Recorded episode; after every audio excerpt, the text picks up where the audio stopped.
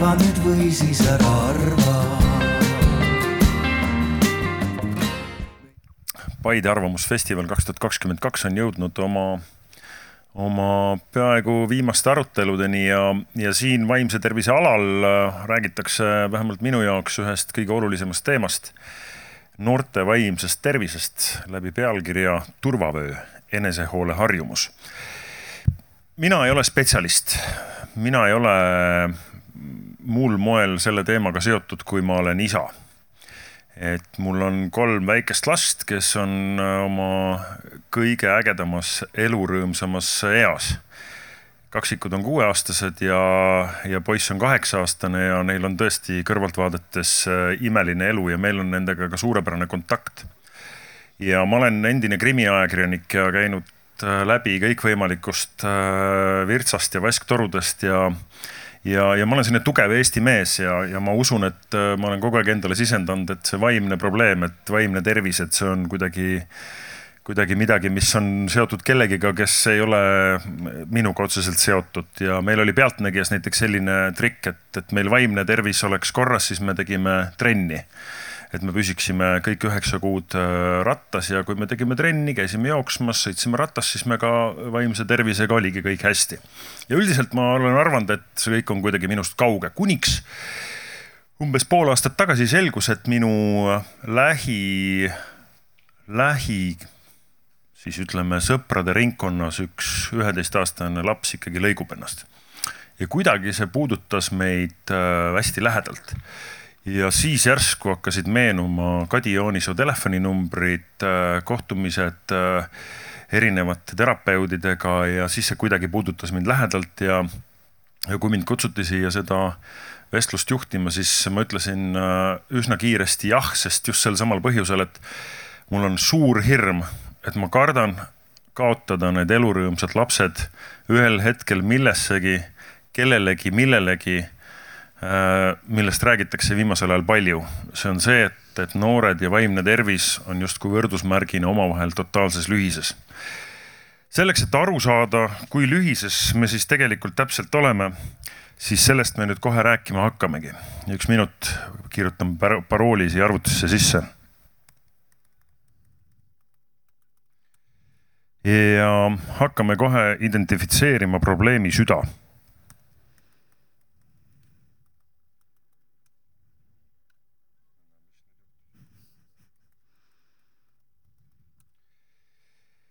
alustame noortest endast ja kui tohib, siis äh, ma annaksin sõna meie kõige nooremale osalisele kõigepealt. Riin Värton oskab rääkida sellest, et kui tõsine see probleem noorte ja vaimse tervise kontekstis on, et kui sa räägid vaimsest tervisest oma vaatest, mis see on üldse?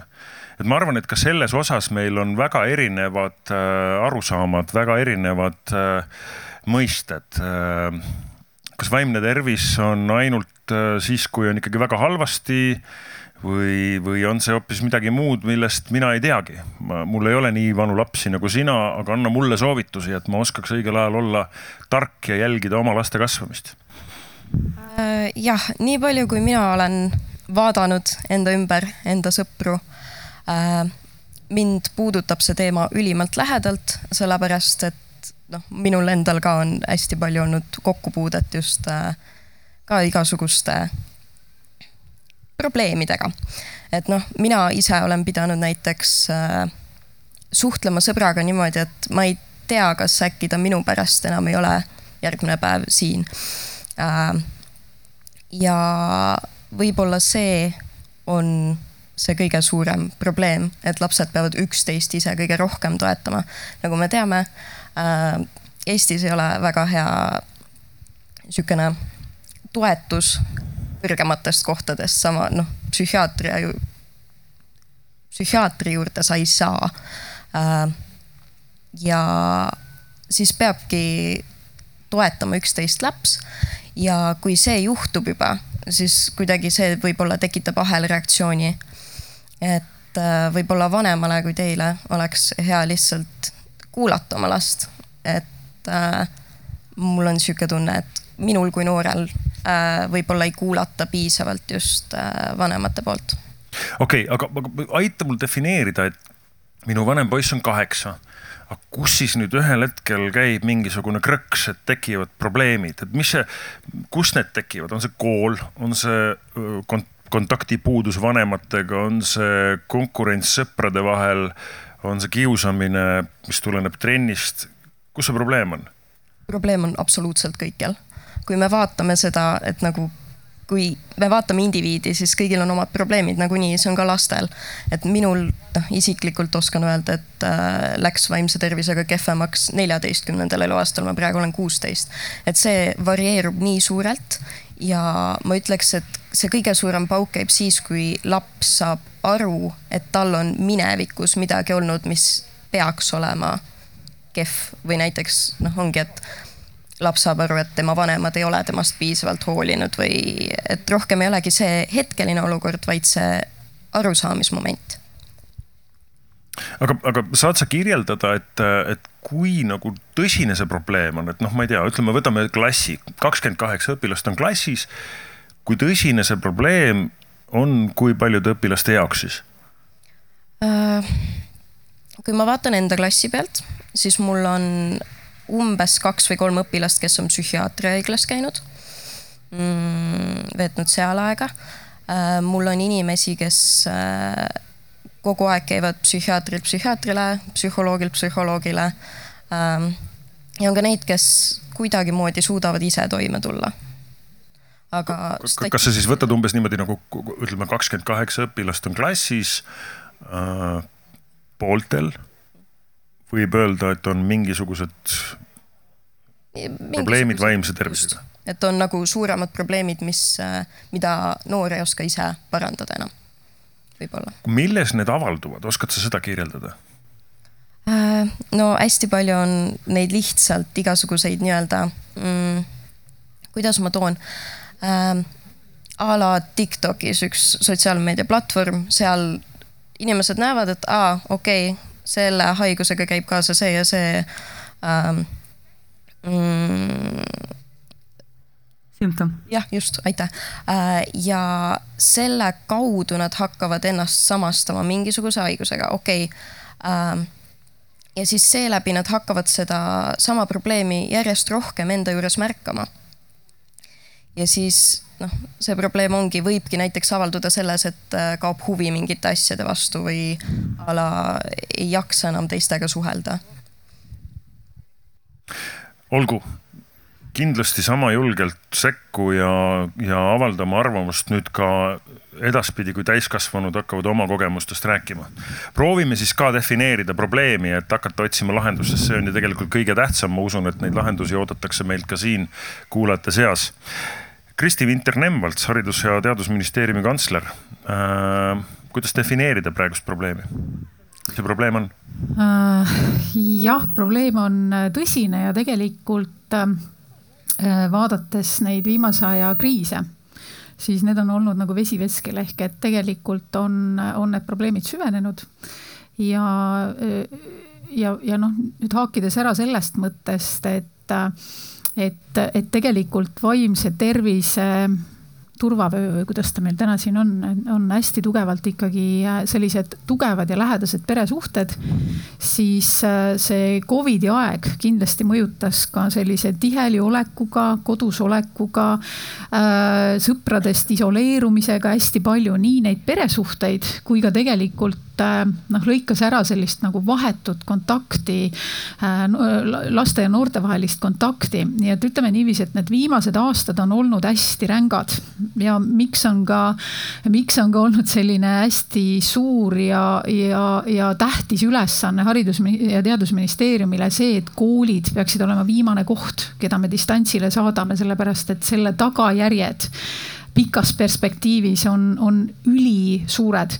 nii et äh, probleem on tõsine, ta on eriti viimastel aastatel ajas kasvanud, nii et et, et, et selles vaates äh, tuleb sellega tegeleda igal tasandil, koolis, kodus, noortevaheliste suhetega ja nii edasi on selle kohta olemas mingisugustki võrdlusstatistikat, mingid numbrid, mille kohta on võimalik öelda, palun?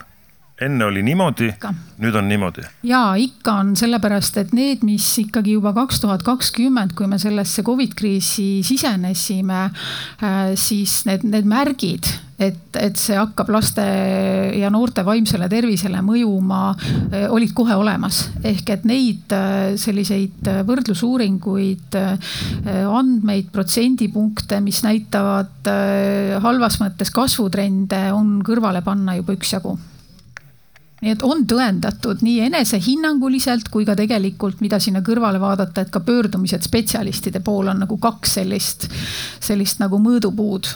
kui Riin ütles, et äh, pool klassist kannatab vaimsete probleemide all, kas see on üldistatav äh, kogu õpilaskonna peale mm.? No laias skaalas võib, võib küll öelda, noh, küsimus on lihtsalt selles, et kui sügavad need probleemid on, et, et ega oli, oli, oli ju ka Riinu poolt jutuks see, et ei ole, ei ole tingimata kõik kohe psühhiaatri juurde minemas või ei vaja tingimata psühholoogi abi, aga, aga et neil on neid, neid nii-öelda turvavõrgu elemente, kelle poole pöörduda ja kus seda abi otsida ilma professionaalita, noh, nende laste hulk on kindlasti arvestatavalt kasvanud, nii et võib küll üldistada, jah Katrin Evelin Kalaus, kliiniline psühholoog, psühhoterapeut ja psühhiaatria ja psühhot-, psühhoteraapia keskus Sensus äh, esindaja. kui te nüüd seda kõike olete kuulanud, siis äh, kui katki meie lapsed on ja, ja mis see probleem on, kus nad katki läinud on? võib-olla alustaks sellest, et vaimne tervis on ikka igal inimesel, keegi ei ole selle vaba ja psüühikahäired käivad ikka inimesi pidi aga ka hiljuti avaldatud äh, Eesti vaimse tervise uuring näitas väga selgelt, et äh, noorte psüühikahäired on tõusuteel ja eriti haavatavas olukorras ole, on naissugu, ehk siis tüdrukutel teatud psüühikahäiretesse haigestumise riski ei ole mitte kaks korda rohkem kui poistel, vaid kakskümmend rohkem kui poistel, eks. ja, ja ikka need kõige sagedasemad äh, psüühikahäired nagu ärevus- ja meeleoluhäired ja, ja söömishäired ja seal hinnati ka posttraumaatilist stressihäiret, äh, mis on ka ärevushäire et äh, neid esineb äh, kindlasti oluliselt enam. ma võtsin välja ka meie Sensuse kliiniku äh, eelmise aasta statistika laste ja noorukite osas, siis vaieldamatult kõige sagedamini diagnoositud psüühikahäired on ärevushäired ja selles mõttes laste ja, ja täiskasvanute vahel ei ole erinevust üldse kõigist psüühikahäiretest, noh umbes niisugune nelikümmend, viiskümmend protsenti on tegelikult erinevad ärevushäired, rõhksõnal erinevad, neid on palju ja mitmeid ja, ja meie kliinikus ka, teisel kohal loomulikult meeleoluhäired, valdavalt siis depressioon, noh, aeg-ajalt ka koos enesevigastamisega. Ja, ja kindlasti ka ADHD, mis äh, on viimasel ajal äh, palju enam diagnoositud. Kas teda nüüd üldse rohkem esineb, aga diagnostikameetodid on läinud palju nagu täpsemaks ja, ja paremaks ja, ja ravimeetodid kättesaadavamaks, et et meie noored on tegelikult hädas ja, ja mulle meeldis hästi Äh, noore kaaskõneleja äh, jutt, et, et ähm, üks on probleemi märkamine ja kes siis seda teevad, ikka kõigepealt need inimesed, kes on igapäevaselt meie ümber. aga psüühikahäired kipuvad natsa olema nakkushaigused, nagu sa ütlesid. eriti söömise sõltuvushäired on, on nakkushaigused, me oma kliinikus ka näeme, et kui tuleb üks söömishäirega tüdruk, siis natuke aja pärast natukese aja pärast tuleb tema sõbranna ja siis tema sõbranna, eks et nii see on, aga, aga, aga jah, et ärevus ja meeleoluhäired kindlasti sellest äh, oluliselt enam. ja miks see koroonaaeg on niivõrd keeruline, et üldse psüühikahäiretega on nii, et psüühikahäirete esinemissagedus järsult tõuseb vanuses kuskil Äh, noh, statistikasse ta jõuab kuskil selline neliteist, viisteist, kuusteist, aga seal kaksteist, kolmteist, neliteist, et siis, kui tähtsaim arenguülesanne on tegelikult suhted eakaaslastega, on ju, äh, kus selline noh, eneseteadvus tekib, äh, vanemad kontrollivad vähem, ma pean ise otsustama, mida ja kuidas ma teen, eks. mistõttu see psüühika on suhteliselt haavatavas olukorras, siis tulebki muretsemist juurde, tuleb ka ärevust juurde, eks, et, et sellist ka üleüldistavat enesekohast mõtisklemist tuleb juurde, tuju läheb selleks, sellest sandiks, eks, et, et et, et see on niisugune haavatav periood, et meie nagu kliiniliste psühholoogidena kindlasti ütleme, et see koolide kinnipanemine, ähm, hoiame nad lahti, tähendab see, see on juba läinud, et nad kinni olid, aga, aga hoiame nad lahti jah, et nad saaks omavahel kokku, et, et, et suhelda on vaja, üldse psüühika tahab vaheldust ja kui vaheldus maha keeratakse, noh, kellel siis tuju pahaks ei lähe, täiskasvanutel ikka ka. Äh, liigaudne pereterapeut, kus see koer maetud on siis, et kas see on pigem ikkagi nagu probleemid algavad perekonnast, noorte omavahelisest suhtlusest, kool, treener, õpetaja jah, noh, nii on keeruline öelda, eks ju, et kus on üks või teine või kolmas probleemi see päris algus. ma jäin enda peale mõtlema ja võib-olla peegeldab see natuke sellist ühiskonna üldist äh, liikumist ka ja avastasin, et oh, pagan, ma olen psüühikahäirega puutunud kokku juba lapseeas. täiskasvanud minu lähiringkonnas äh, olid depressiivsed, tollel ajal otsiti neerukivisid, vähki, no mida kõike veel oskas meditsiin näha, enne kui leiti, et aa, depressioon okei okay,, aga sellest me ei räägi, sest noh, see ei ole nagu okei okay asi, mida rääkida, et selleks on need hullu, hulluarsti kohad, need kuskil seal kaugel. Et ähm, ja noh, selle aja lapsed on täna lapsevanemad. ja nendel lastevanematel on lapsed ja, ja nii edasi, nii edasi, ehk siis võib-olla ma vaataks kõigepealt mitte kuhugi spetsiifilisse kohta, vaid äh, sellesse, et kui avatud me üldse oleme päriselt suhtlema omavahel, lapsevanemana last kuulama, nagu Riin ka välja tõi tõesti, õpetajana päriselt kuulama, mida sellel õpilasel öelda on, et ta ei ole seal ainult see käsk, kes peab kõik vastu võtma, mis mulle anda on Äh, treenerina märkama võib-olla seda, et, äh, et ta ei hüppa nii hästi, kui ma tahaks, aga et tal, tema sees on peale selle hüppevõime veel asju. et, äh, et ma ei tea, spetsialist saab kõrvalt öelda, aga mulle kuidagi tundub, et noh, depressioon vähemalt on niisugune paras isolatsioonihaigus, eks ju, et mida rohkem seda isolatsiooni, seda lihtsam on depressiivsusesse kalduda. Ma võtan siit äh, liini sõnasabast kinni ja küsin äh, mm, Rainer äh, sinu käest, sina oled MTÜ Vaikuseminutite koolitaja. kas võib-olla meil ei olegi nagu mingit väga võimestunud probleemi, et meil ei olegi nagu midagi nagu väga kapitaalselt halvasti, vastupidi. et see, et me täna siin räägime sellest probleemist, näitab seda, et me oleme saanud lõpuks ometi äh, terveks ühiskonnaks, me oleme jõudnud sellise ammu unistatud Rootsi, Norra, Taani heaoluühiskonna tasemele. me oleme avatumalt hakanud omavahel rääkima, julgeme tunnistada probleeme, mida me kunagi lükkasime vaiba alla. ehk et kui me nüüd ausalt kõik peeglisse vaatame, siis küllap me leiaksime sealt kõik oma lapsepõlvest mingisugused vaimsed probleemid, needsamad sümptomid, millest räägib äh, täna noor kooliõpilane ja, ja toona lihtsalt see oli tabu. toona need asjad äh, kuidagi nagu vaikiti maha, elati ise üle või võideldi enda sees läbi, mõnikord ka fataalselt, eks ju. ja ma olen täitsa nõus sellega, et, et kasvõi juba see Rootsi näide, et see kümme aastat toimunud Arvamusfestival siin on ju ka nagu Rootsist alguse saanud ja et, et selles mõttes oleme selle, nende ühiskonnast, nende ühiskondadelt nagu palju õppinud ja edasi läinud ja ja võib-olla ka sellest äh, vaimse tervise olukorrast, mis, mis siin ka Katrin rääkis, sellest viimasest äh, Tervise Arengu Instituudi uuringust, et, et selle kohta mm, ma lugesin ka ühte spetsialisti kommentaari, et seal oli just see tüdrukute ja poiste vaheline hästi suur erinevus ja ka äh, ja ka noh, ütleme siis ka täiskasvanute ja noorte vaheline erinevus. Eh, et siis noortel oli rohkem siis siuksed vaimse tervise häired kui täiskasvanutel.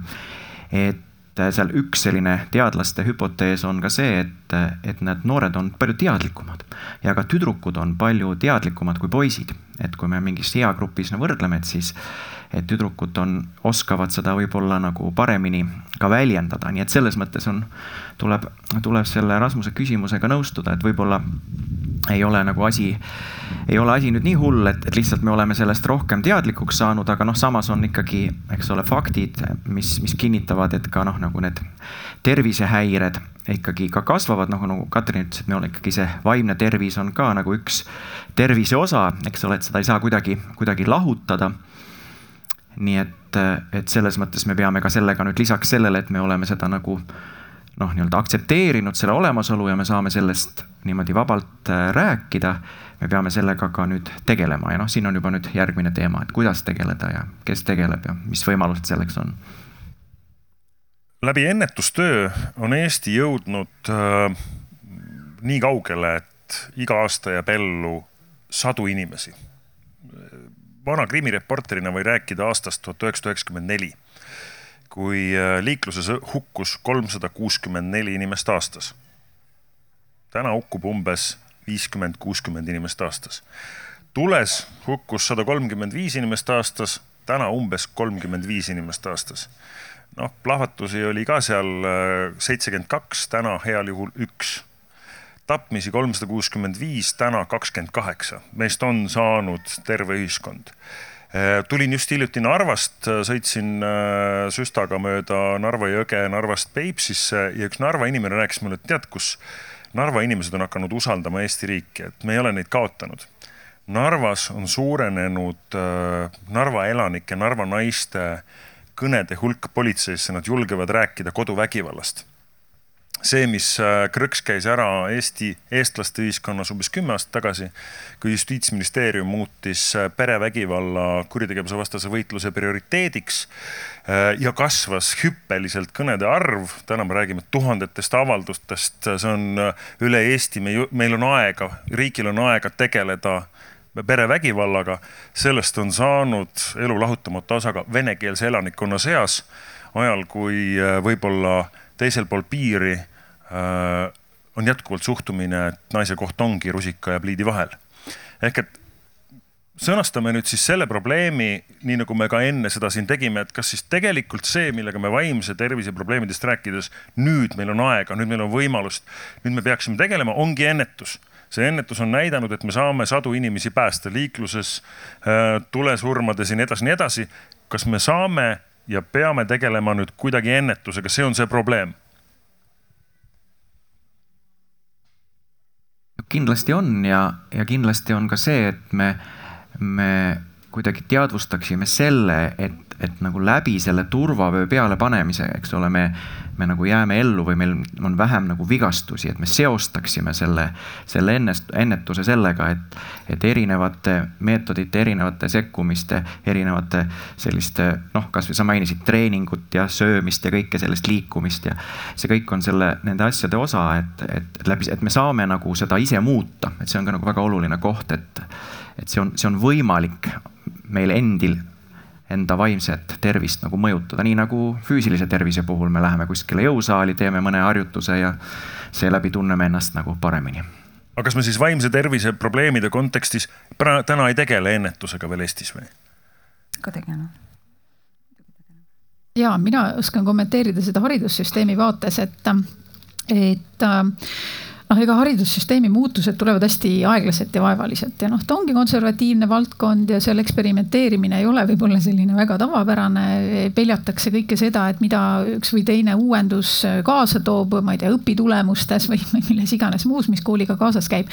aga kui vaadata lihtsalt, kui ma nüüd astun korra oma eelmistesse kingadesse ülikooli õpetajakoolituse juurde, siis äh, need sellised märkamise teemad ähm, Äh, enese, mm, enesekohased oskused ja kõik, kõik need asjad hakkasid vaikselt tulema sisse õpetajakoolitusse tegelikult juba üks kümme aastat tagasi. Nad, äh, need, nad jõuavad äh, vaikselt kooli läbi täienduskoolituste, läbi, läbi õpetajakoolituse kaudu tulevate uute õpetajate, et tegelikult see sihik ka kooli suunal, arvestades, et laps ja noor arvestatav osa oma, oma aktiivsest päevast äh, veedab koolis ja, ja, ja ei ole üldse mitte see õpetaja roll seal väheoluline. et siis, siis ta, ta vaikselt väikeste sammude kaupa liigub kooli, mis tähendabki sisuliselt ikkagi ennetamist, seal märkamine, äh, seal, ma ei tea, kiusuga tegelemine, kiusuküsimustega tegelemine, teadvustamine, et sellised probleemid on olemas, kõvasti on minna. aga, aga ma näen, et see sula on toimumas või täna näiteks õpet-, õppekava arendus, äh, riiklikest õppekavadest rääkides näiteks et on, on näha, et inimeseõpetusse tulevad need teemad aina jõulisemalt sisse. et ta tuleb, see inimene võetakse terviklikult ette, nii et võiks küll öelda, et me ei tee esimesi samme, aga see muutus tuleb nagu suhteliselt aeglaselt, jah ma võib-olla siia lisaks nagu selle aspekti veel, et üks asi on see, et me räägime endast rohkem, eks ju, ja, ja koolitustes on sees, aga, aga enda koolikogemusest ma mäletan kuuenda klassi inimeseõpetust, ma alustasin sügisel selle lausega, et no see on nüüd see aine, kus teadmine ei maksa midagi. õpilased vaatasid mulle sihukese näoga otsa, et noh, kust see siia sai, kas ta on päriselt õpetaja. et aga noh, suhtlemine oli selle aasta teema, et, et võib-olla ka väga teadlikult eristada seda, et, et see enesejuhtimisoskus, et see ei ole teadmine, kuidas ennast juhtida. et noh, kes teab, et teise peale karjumine ei ole väga perspektiivikas äh, probleemide lahendamine, et noh, vaatamata sellele inimesed aeg-ajalt tõstavad üksteise peale häält, kes vähem, kes rohkem. et Äh, ja need teised teemad ka, et, et noh, et seal ka teadvustada, et üks asi on teadmine, teine asi on oskus seda teadmist rakendada ja kolmas asi on oskus seda teadmist rakendada siis, kui on keeruline olla. sest siis need oskused on nagu veel vähem kättesaadavamad ja on kättesaadav see automatism mis siis noh, tuleb sellest, et kuidas ma lapsena olen kogenud, et äh, asju lahendatakse, et ma ei tea, vaadates siin ringi, et vist minu põlvkonna inimesi on siin päris palju, et noh, laps räägib, kui kana pissib ja nii edasi, eks ju, et see on kuskil kehas sees. et, et ja sellepärast ka see asi kõik on väga pikk protsess, et et me ühest küljest ütleme lastele, et jaa, emotsioonid on väga okeid asjad, et emotsioone tuleb tunda ja need on kõik lubatud. ja siis, kui laps nutab, siis ütleme, et ära nuta, ära nuta, on ju, et, et noh, anname väga erinevaid sõnumeid ka täiskasvanutena, et äh, mis siis on okei okay või ei ole. ma arvan, et seetõttu on nagu eriti keeruline aru saada, et, et ühest küljest räägime, et me oleme väga arenenud ühiskonnas ja teisest küljest need teod natukene veel noh, üsna pika vinnaga jõuavad järgi et ma kommenteeriks oma valdkonnas, kui võib. et ähm, kaasaegne psühhiaatria ei tohiks olla ainult äh, ravimine ja, ja meie oma Sensuse kliinikus proovime seda küll järgida kuigi kahjuks äh, kliinilise psühholoogi või psühhiaatri juurde saab pöörduda ainult siis, kui sul on juba psüühikahäire. Äh, ja õnneks meie valdkonnas pole seda mitte kunagi liiga hilja teha. Ja mitte kunagi tegelikult ka liiga vara. sest kui me räägime laste ja noorukite psüühikahäiretest, siis esimene soovituslik ravivalik, kui te vaatate kõige sagedasemaid ja neid, neid äh, noh, psüühikahäireid, ärevus- ja meeleoluhäireid, siis see on tõenduspõhine psühhoteraapia, valdavalt kognitiivkäitumuslik psühhoteraapia. Ja see on oma olemuselt hunnik oskuseid mida me saame äh, patsiendile õpetada siis, kui tal on näiteks noh, ma ei tea, kõige sagedasem psüühikahäire on üldistunud ärevushäire, kui, kui see on välja kujunenud või ka selleks, et seda ennetada aga noh, nagu te teate, Haigekassa selle eest, ennetustöö eest ei maksa ja, ja vanemad peavad äh, selle teenuse ise kinni maksma. veelgi enam, ma tuleks korra tagasi selle eelmise küsimuse juurde, et äh, mis küsiti, et noh, kus see põhjus siis nagu on, et ma ei tea, kas koolis või kodus, et noh, ma arvan, kui me saaksime ühe asja peale näpuga näidata, siis me võiksime kogu selle psühhiaatria, ma ei tea, kuradile saata, sest seda ei ole lihtsalt vaja. eks, aga kahjuks psüühika nii ei tööta. psüühikahäired ei kujune välja kõigil inimestel eks äh,. aga me kõik noh, läbime neid erinevaid olukordi, eks, et, et äh, meil on ikkagi pärilik eelsoodumus, meil on isiksus, mis on kaasa sündinud, meil on lapsepõlve kogemused ja kõik see kokku teeb meid haavatavamaks teistest inimestest teatud olukordades. ja mis on kõige kummalisem psüühika toimimise juures, on see, et vahel ka väga neutraalsed sündmused tõlgendatakse väga negatiivseks ja inimesed teatavasti ei usu mitte olukorda või seda, mida teised räägivad, vaid mida tema mõtleb ja, ja kogu see noh, niisuguse irratsionaalse mõtisklemise käepärasus just seal sellises kaksteist, kolmteist, neliteist äh, kipub kasvama, et need kuue kuni kaheksa aastased on, on üldiselt väga rõõmsad, need tulevad ADHD-ga. kui nad enam paigal ei püsi ja vanemad ei jõua nendele kolmele eri suunas järgi joosta. aga, aga jah, et, et niisugused ärevus ja, ja meeleoluhäired näitavad selgelt äh, niisugust hüppelist tõusu äh, teismelise eas, et. Katri Evelin, ma haaran siit kohe jutu otsast kinni sa ütlesid, et riik ei maksa täna äh, vaimse tervise ennetuse eest. et riik ei eralda raha selleks, et me tegelesime vaimse tervise teemal ennetustööga jaa, no vot asi on selles, et, et noh, ma loodan, et kedagi haigekassast kohal pole aga no mis me siis teeme, on ju, et meil on oma kliinikus ka, ka leping ja teiseks ju tööandjad äh, tasuvad ja nende kindlustused maksavad ja ilma kvoodita kohe kuidagimoodi meie valdkonnas ei saa, mis on täielik jaburus. et, et muidu lihtsalt äh, riiklikult ei maksta seda teenust kinni, et eks siis vahest me peame mõtlema, et noh ma ei tea, depressioon algab siit, on ju, hästi paha tuju ja madal motivatsioon, energia, midagi ei taha teha, noh, ta natuke seda siin kuskil on, ta on kuskil siin, no paneme selle depressiooni diagnoosi ära. saame vähemasti riigi raha kasutada ja noh, seista patsiendi eest. no, noh, mis on tegelikult jabur, eks. aga, aga kas siin ei olegi tegelikult probleem, et seesama äh, turvavöö kampaania, kolmsada kuuskümmend neli hukkunut aastas üheksakümne neljandal aastal ja umbes viiskümmend, kuuskümmend hukkunut aastas äh, nüüd kolmkümmend aastat hiljem. Äh, kuidas sinna jõuti? jõuti sinnamaani, et see turvavöö kinnipanemise harjumus taoti läbi ennetustöö rahade taoti inimestele läbi reklaamide, suhtumiste, kõneisikute, poliitikute, taoti läbi šokinäidete, taoti niimoodi sinna ajusagarate vahele, et see on iseenesestmõistetav, et sa täna mitte lihtsalt ei pane ees turvavööd kinni, vaid sa paned ka taga turvavöö kinni. Ja nüüd on küsimus selles, et kas tegelikult see häda ei pruugigi olla see, et, et kui riik ei ole veel sel, seda tajunud kui probleemi, et panustada Äh, raha selle ennetustöösse, äh, siis võib-olla me ka ise päris lõpuni ei ole enda jaoks veel aru saanud, mis see probleem üldse on. et me tegeleme siin lastega, aga ma usun, et vanemate inimestena võib-olla ise ka ei saa aru, et meil on, äh, mis need vaimsed hädad on. teeme hästi kiiresti. tõstke käsi püsti need, kes arvavad, et tal on mingisugune ütleme siis mitte psüühikahäire, ütleme kergemalt, leebemalt olnud mingi vaimne probleem? mina ei ole spetsialist, hinnake nüüd, mida see tähendab noh, see tähendab ikkagi seda, et probleemid käivad inimesi pidi, et nii tore, tore, tere tulemast klubisse. me oleme täpselt kõik koos. et äh, ja ega psüühika töötab nii, eks ole, teatud olukordades, noh, mul on hea võtta seda üldistunud ärevushäiret, sest see on tõesti kõige sagedasem primaarne psüühikahäire. seda on hästi palju, inimesed juurdlevad, muretsevad sageli pikka aega järjest, raske rahule jätta, muidugi on häiritud enesetunne, keskendumine ja uni ka hakkab pihta, eks. no ta käib ju lainetena läbi elu et, et vahest on pikki perioode, kus inimesed üldse ei muretse ja mingil ajal muretseb nii intensiivselt, et ta saab üldistunud ärevushäire diagnoosi. jah.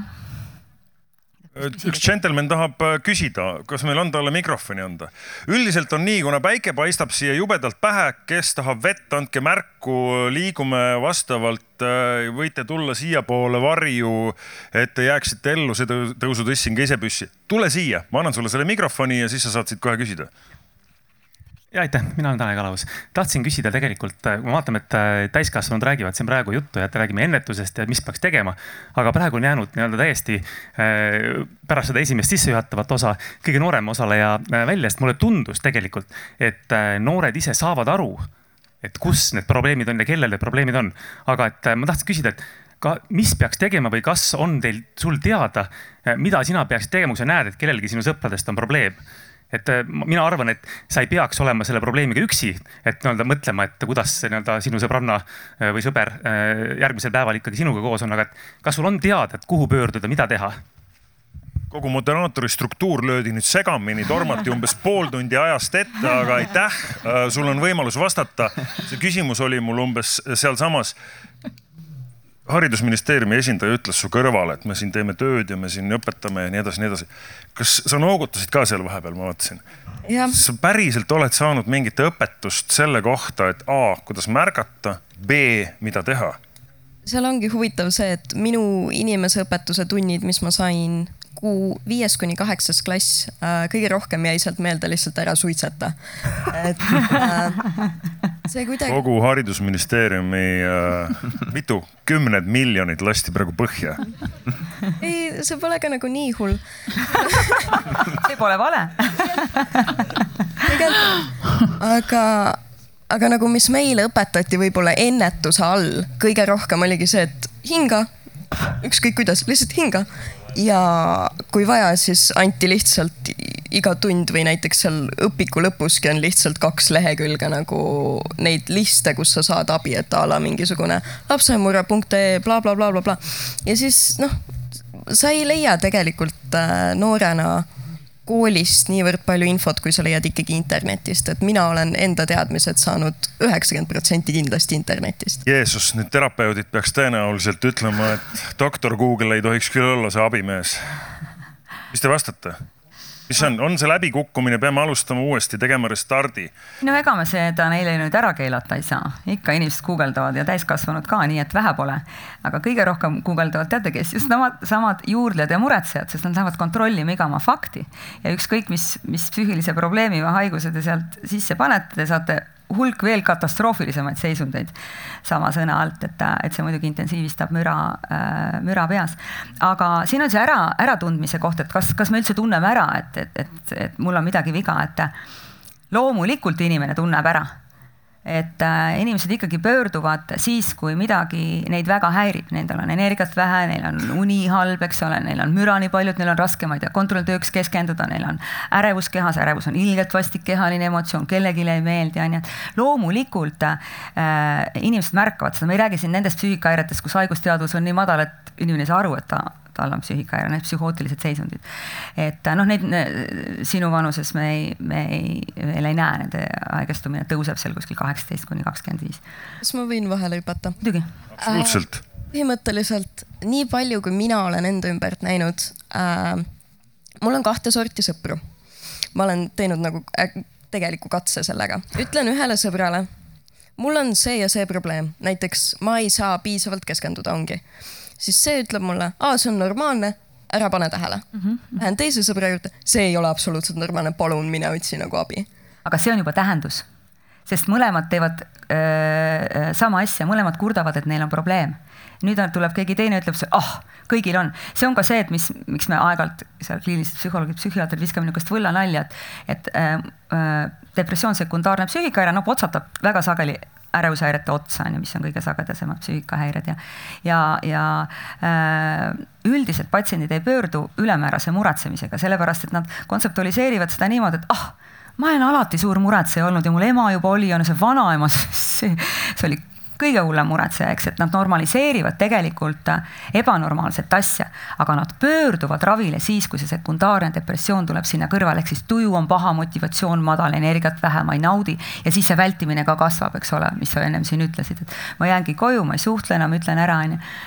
et ähm, jah, nii see psüühika toimetab ja noh, ma mõtlen, et võib-olla siin äh, võiks veel mõelda, et noh, mis asi see eneseteadlikkus üldse on, eks ju et noh, millest me räägime, et millest ma siis teadlik olen. aga vot et... see ongi see koht, et nad tunnevad ära noored väga hästi tunnevad ära äh, psüühikahäired, kuigi me oleme ise teinud äh, ühe teadusuuringu, kus me vaatasime laste ja noorukite depressiooni ja küsisime laste käest äh,, nende vanemate käest ja äh, õpetajate käest noh, lapsed hindasid, et nad on, nad on depressiivsed, me tegime normpopulatsiooni uuringuid äh,. Äh, ja ja, ja need siis, kes said kõrgeid skoore. mis te arvate, kelle hinnang oli lapse omale kõige sarnasem, kas õpetaja või lapsevanema oma? mis te arvate? Täitsa vale vastus lapsevanema, õpetajate hinnangud äh, korreleerusid palju kõrgemalt äh, positiivselt äh, lapse hinnangu, hinnanguga, sest nad näevad seda last nii paljudes erinevates keskkondades, eks nad näevad seda last käitumas olukordade üleselt, eks ole, nende informatsioon on tegelikult kohati palju adekvaatsem kui lapsevanema oma ma tänan, ma tundsin kuidagi, et peab õpetajat hakkama rehabiliteerima Õpe. õpetajad on väga-väga tublid ja väga sageli meil ka ravimeeskonna liige. noh, mõned nõus küll pole, aga enamik ikka on ka. ma annan korra siia sõna. Ehm, ma tahtsin öelda seda, et eh, tegelikult on väga suur probleem ka see, et eh, väga tihti arstid ja psühholoogid ei, ei näe seda pro probleemi, mis lapsel ja noorel on et äh, väga tihti pöördutakse abi saamiseks, kui juba on see kohtumine, kohtumise võimalus käes. et äh, laps või noor pöördub arsti juurde, aga arst ei näe seda probleemi, mis lapsel mm. on ja ta saadetakse minema. ja tegelikult äh, siin viimaste aastate jooksul on olnud mitu enesetappu ja neist on juttu tehtud, kus lihtsalt ei, ei osatud midagi ette võtta et no, ähm, kas ma võin vastata su küsimusele, et äh, vot psühhiaatria on küll selline valdkond, kus absoluutselt alati saab midagi teha. mul on kahju, ma pean vabandama oma kolleegide ees, sest see ei ole kaasaegne psühhiaatria. nii ei tohi asjad absoluutselt olla, ma soovitan vahetada kohe psühhiaatrit või kliinilist psühholoogi, sellepärast et kuna psüühikahäired käivad kambakesti koos, meil ei ole kunagi ühte psüühikahäiret, tavaliselt on seal ikka on ju Äh, psüühilised probleemid on hierarhilised, mingi isiksuslik eripära, primaarsed psüühikahäired, sekundaarsed, eks, et väga oluline see diferentsiaaldiagnoosimine, sest ravi nende jaoks on väga erinev. veelgi enam, kui me seda primaarset psüühikahäiret ei, ei ravi, ravime näiteks depressiooni, mis on kõige sagedasem sekundaarne psüühikahäire, siis tagasilanguste hulk on sada protsenti. mis kuramuse töö see selline on, on ju. et, et ähm, väga oluline on väga põhjalik psühhodiagnostika, see diferentsiaaldiagnoosimine ja see ei ole ainult kliiniline intervjuu, see on hulk erinevaid teste. noh, väga palju on psühhiaatrisse tulnud kõikvõimalikud digitaalseid meetodid, kus me saame mitteverbaalselt eh, hinnata teatud funktsioone, näiteks ADHD hindamise on palju detailsemaks, täpsemaks nagu läinud, et mul on kurb kuulda, et sul on niisugune kogemus või, või noh, kellegi kogemus, kes on sulle seda jaganud, on ju. et jah, kahju kuulda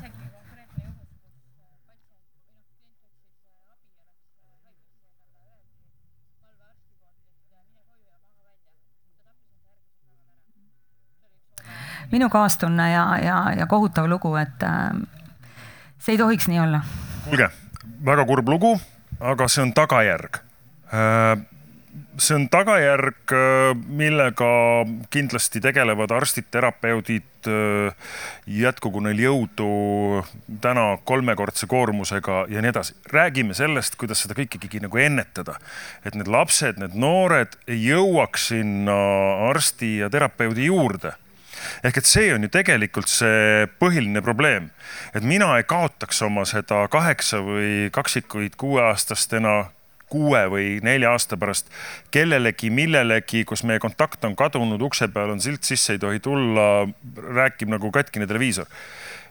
Mida mina vanemana, Rainer, oled sa minuga nõus, et see turvavöö efekt peab siis algama minust? on siis nii, see ennetus peab algama minust, mina pean õppima mõistma vaimseid probleeme ja õppima neid ära nägema ja, ja käituma siis kuidagi teistmoodi kui praegu? no mitte ainult lapsevanem, et ma arvan, et see kõige olulisem on siin see, et me selles mõttes näeksime seda sellist tervikut, et nagu siin see, see, need, need kurvad näited nagu olid praegu, rääkisid sellest äh, püramiidi tipust, et siin VATEK koos äh, mitmete ministeeriumitega ja, ja vabaühendustega on koostanud sellise vaimse tervise rohelise raamatu, et, et seal on üks selline ilus ja väga selline informatiivne joonis, selline püramiid, et, et mida siis teha selle vaimse tervisega, kuidas, kuidas aidata kõige efektiivsemalt ja paremini ja, ja selle püramiidi selline kõige suurem ja laiem osa on vundament ehk siis see inimene ise, mida mina ise saan teha siis selle peal on nagu see kogukond, et noh, selles mõttes, et ütleme siis, kus on, kus on lapsevanemad ja kus on treenerid ja, ja kus on noh, ma ei tea, ütleme kõik, kõik, kus, kus see laps käib, igal pool kokku puutub, et et mitte ainult nagu see lapsevanem ei saa,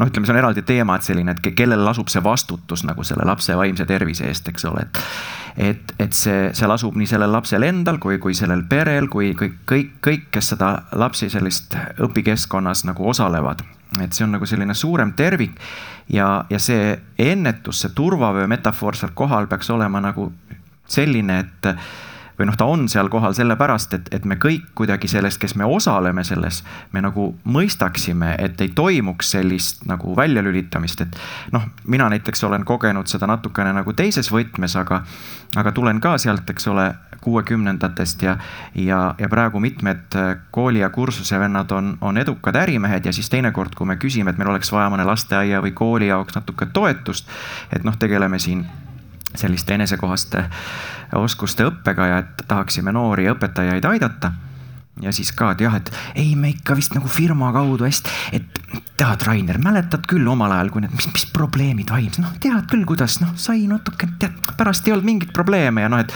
et jah, okei okay,, et kuidagi nagu see, et see, see sihuke normaliseerimine või noh, või, või siis vastupidi, niisugune nagu vales suunas normaliseerimine.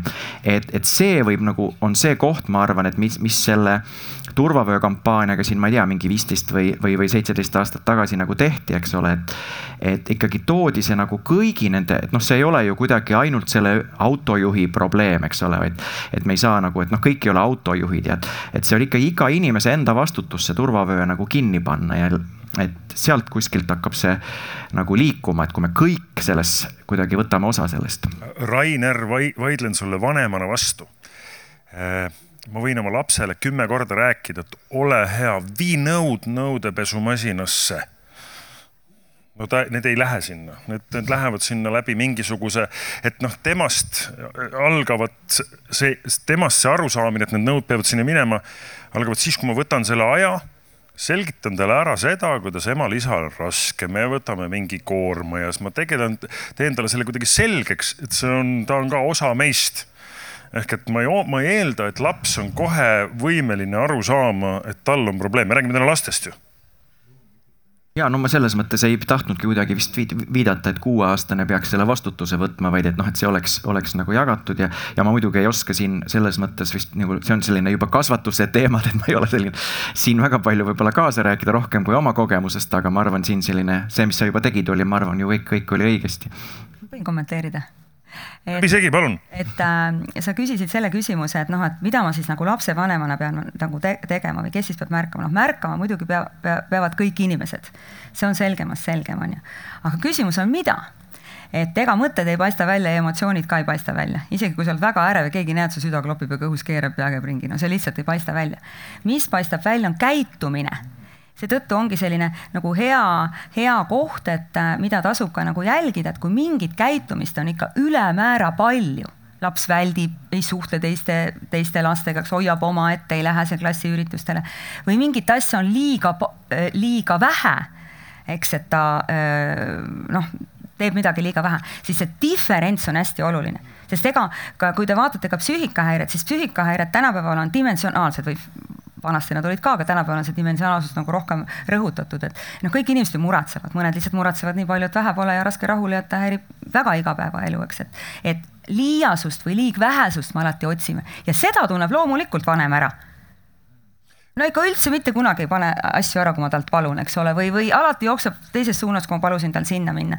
sest nagu ma ütlesin, psühhiaatria valdkonnas, kui ma räägin, proovin oma, oma valdkonnas püsida, siis, siis mitte kunagi pole liiga vara pöörduda ja ma ütleks, et müts maha nende vanemate ees, kes tulevad, et no ma ei tea, meil on sellised, sellised, sellised asjad, me kontseptualiseerime ära, mis asi see on, eks ole. võib-olla jagame mingeid lihtsaid kognitiivkäitumisteraapia nippe ja kogu moos, noh, ta ei pea käima pikas teraapias sellepärast, et et äh.... Riin, sa oled meil siin ainukene, seetõttu me natuke sinu pereprobleeme lahkame, sa võid öelda, et sa räägid ühest sõbrast. aga kuidas siis nagu tegelikult on, kas vanemad päriselt ka oskavad märgata? kas äh, vanemad äh, äh, tajuvad noorte probleeme, see on ju see esimene platvorm, see kodu, kes peaks aru saama esimesena, et kuskil hakkab häirekell põlema no räägin enda kohta, äh, ma ei tea, kui paljud sellega võib-olla samastuvad, aga ma olen hästi selline inimene, kes ei, ma millegipärast ei julge oma vanematele rääkida selliseid asju. no ongi see, et äh, kuidagi noh, kõnnin oma toast välja, olen just nagu nutnud mõnusad viisteist minutit ja siis lihtsalt tõmban naeru näo ette, sest ma ei suhtle nendega piisavalt palju. ma pigem läheksin selliste probleemidega õpetajate ette kui vanema ette mm. -hmm. minuga juhtus täpselt sama mina ka ei suhelnud oma vanematega põhjusel, et minu vanem vend jälle suhtles. mina tahtsin eristuda oma vanemast vennast. mina ei olnud see, kes tõi kõik naised koju, mina ei näidanud oma emale mitte ühtegi oma naist. Noh, mõte oli, aga kus see juhtus, mille pärast see juhtus, kus sa, kus nad kaotasid sinu jaoks, kui tohib nii öelda, minu vanemad kaotasid minu jaoks teatud põhjuste pärast, väga keeruliste üheksakümne esimese, teise ja kolmanda aasta pärast autoriteedi kaheteistkümne aastasena, kolmeteistkümne aastasena hakkasin ma juba natuke raha teenima, et me saaksime hakkama.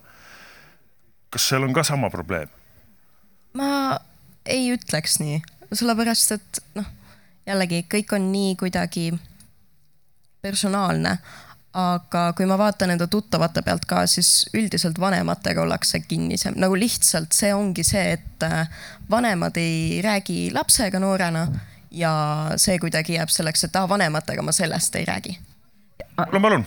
ma korra kommenteerin seda, sest, sest see läheb meie valdkonnaga kokku, et, et täpselt nii, nagu sa ütled, see on küll üleüldistatav, et te räägime vanematega, aga ma ei tea, kui paljud teist teavad, et kuni selle aastani ei saanud äh, laps ilma oma vanema nõusolekuta psühhiaatri poole pöörduda. ta ei saanud ja ta ei räägi oma vanematega, kuidas ta siis üldse teenusele saab, eks. see jumal tänatud muudeti ära, nii et see oli jess, väga äge, väga äge. ja ma olen hästi nõus ja noh, me ju kõik õpime kunagi mingid asjad ära, lapsed õpivad samamoodi ära ja, ja noh, üks hüpotees, miks vanematega on raske rääkida, siis vanemad on oma lastega väga emotsionaalselt seotud, eks ja kui minu lapsel on raske, see tähendab seda, et ei, ma vanemana nüüd olen noh, miskit tegemata jätnud, miskit on kuskil, ei ole olnud nii hästi võib-olla. tähendab see, vanema enda ärevus, eks ju, tõuseb ülesse ja no mida siis ärevad inim-, täiskasvanud teevad? heal juhul räägivad hästi palju, eks ja noh, väga keeruline on rääkida endast kellelegi, kes räägib kogu aeg vastu ja selle asemel, et kuulata, tahab õpetada, öelda, et kuidas peaks asju lahendama, mida oleks pidanud tegema, kuidas, kuidas kõik saab ruttu korda tehtud. et äh, mul on kaasas siin üks tüüp, eile mõtlesin, et võtan kaasa, ta on mina ise, aga minu meelest on nagu lapsevanemale ühest küljest nagu väga hea abiline, et, et ta õpetab kuulamist, ta on sihuke elukutseline kuulaja muuhulgas. et äh, ma ei tea, publik, mida me vajame kuulamiseks? Jaa ja, ja võib-olla panete tähele, et mingites keerustes olukordades see süda endal nagu läheb kokku, onju, ja nii ei saa kuulata. aga kuulata saab ainult avatud südamega.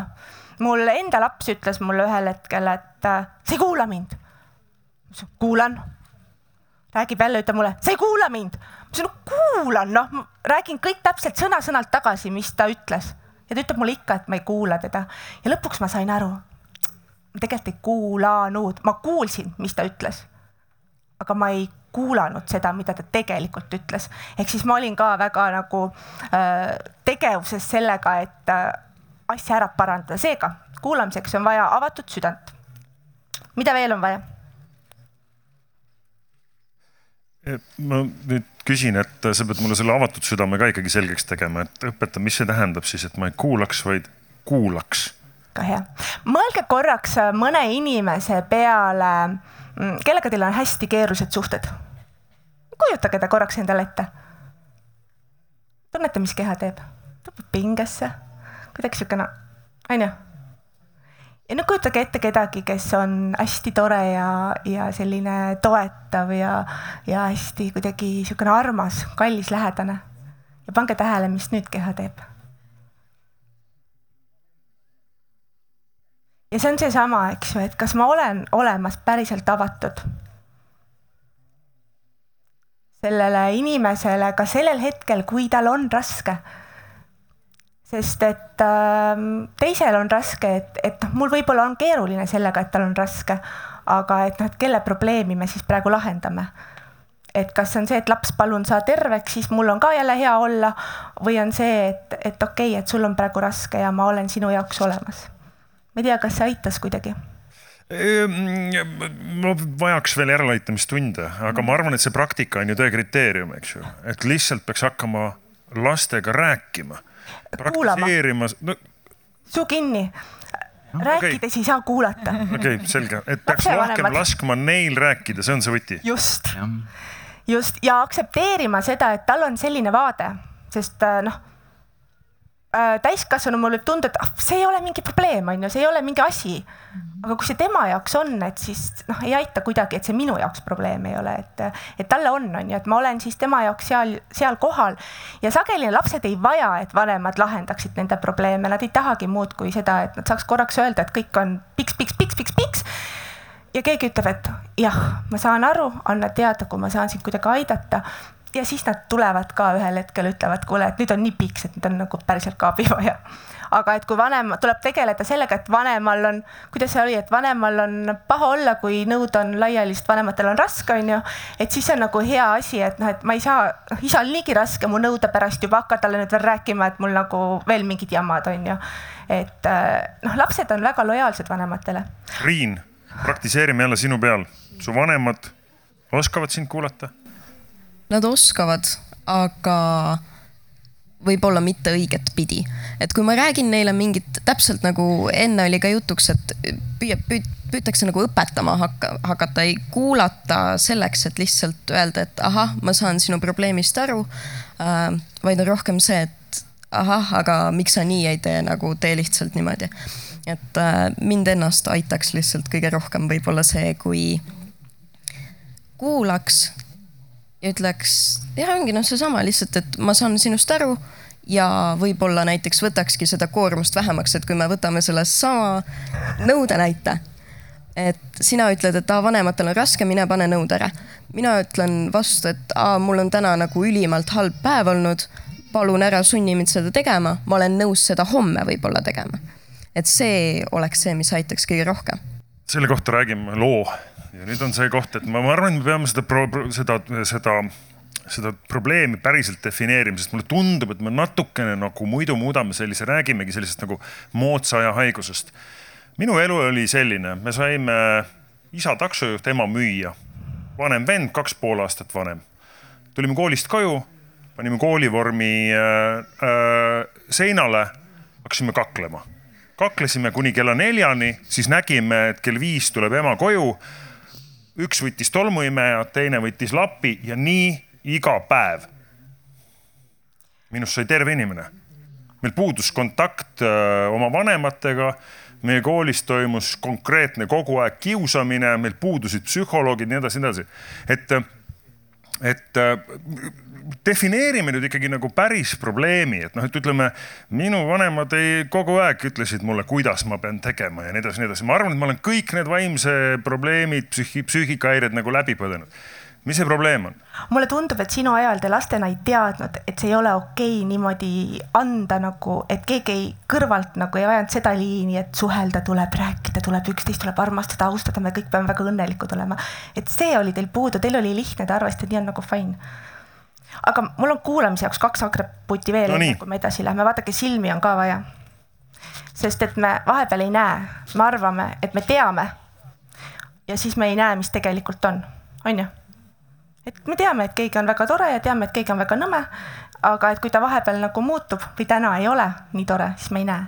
ja teine, kolmas asi, mida on vaja, on kõrvu on vaja, sest tavaliste kõrvadega teate ei kuule. psühholoogid ja terapeudid, need on kõik nagu terapeudi ja psühholoogi kõrvad endale, endale muretsenud, treeninud.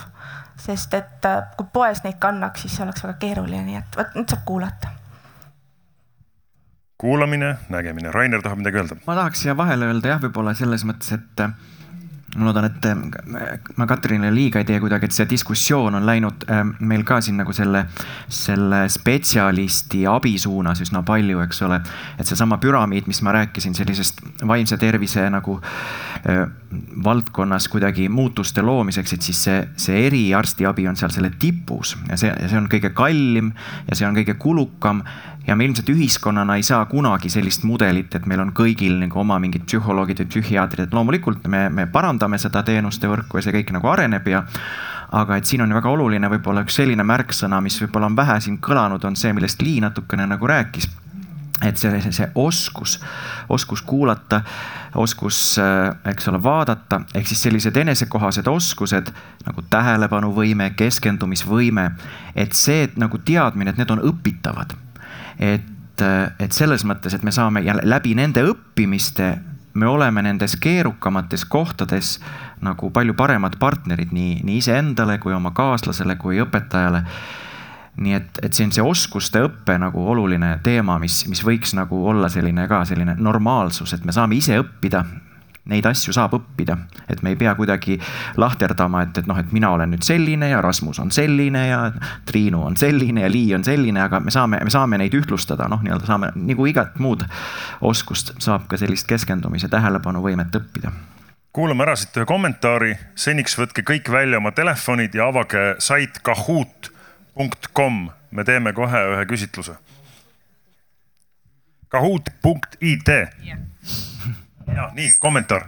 ma tahtsin tegelikult sulle ütelda selle kohta, et sa enne küsisid, äh, mingit nõuannet, aga ma mõtlen, et äh, kui lapse ja vanema suhteid mõtelda, siis minu meelest kõige tähtsam on see mm,, et lapsevanemal oleks äh, lapsega nii palju usalduslik suhe, et laps teab, et tal on turvaline sinuga rääkida ükskõik millest. et isegi kui ta kasvab või saab suuremaks, siis ta teab, et MS-i juurde on turvaline minna ja rääkida mis iganes probleemist et tal oleks see tunne, et, et tunded on okei okay,, emotsioonid on okei okay,, kui ma tunnen ennast halvasti, siis ma võin minna. ja sest kui ma mõtlen enda peale, siis mul oli elus periood, kus mu ema käis öösiti kontrollimas, kas ma hingan. et meil oli väga lähedane suhe ja sellepärast ma ütlen sulle ka, et tegelikult see lähedane suhe aitab see on hästi tark mm, soovitus, sest see on tõesti see, mida ma olen ka ise üritanud järgida, et et ma kogu aeg rõhutan oma väikestele lastele ka, et palun, kui on mingi jama, rääkige, üritan märgata, aga vot see on seesama asi, et aga mul on ka hobid mul on ka huvid, mul on ka reisid, mul on ka stress, mul on ka ettevõte, mul on kakskümmend klienti. mul on seal veel vend ja ema ja emal läks aken katki ja maja katus sajab läbi ja see on seesama, et oota. homme, homme lähme matkale ja siis me tegeleme sellega nüüd uurime siis, me oleme täpselt jõudnud sinna kohta, kus tuleb uurida et okei okay,, enamus meist arvab, et tal on vaimse tervisega olnud probleeme. Kahoot.it, sisestage kood üheksa, kaks, üheksa, viis, viis, neli. üheksa, kaks, üheksa, viis, viis, neli. Kahoot.it, üheksa, kaks, üheksa, viis, viis, neli. ja siin tuleb kohe küsimus saad sa selle ette panna? väga tubli, üheksa, kaks, üheksa, viis, viis, neli, kahoot.it. ja küsimus on äh, hästi lihtne.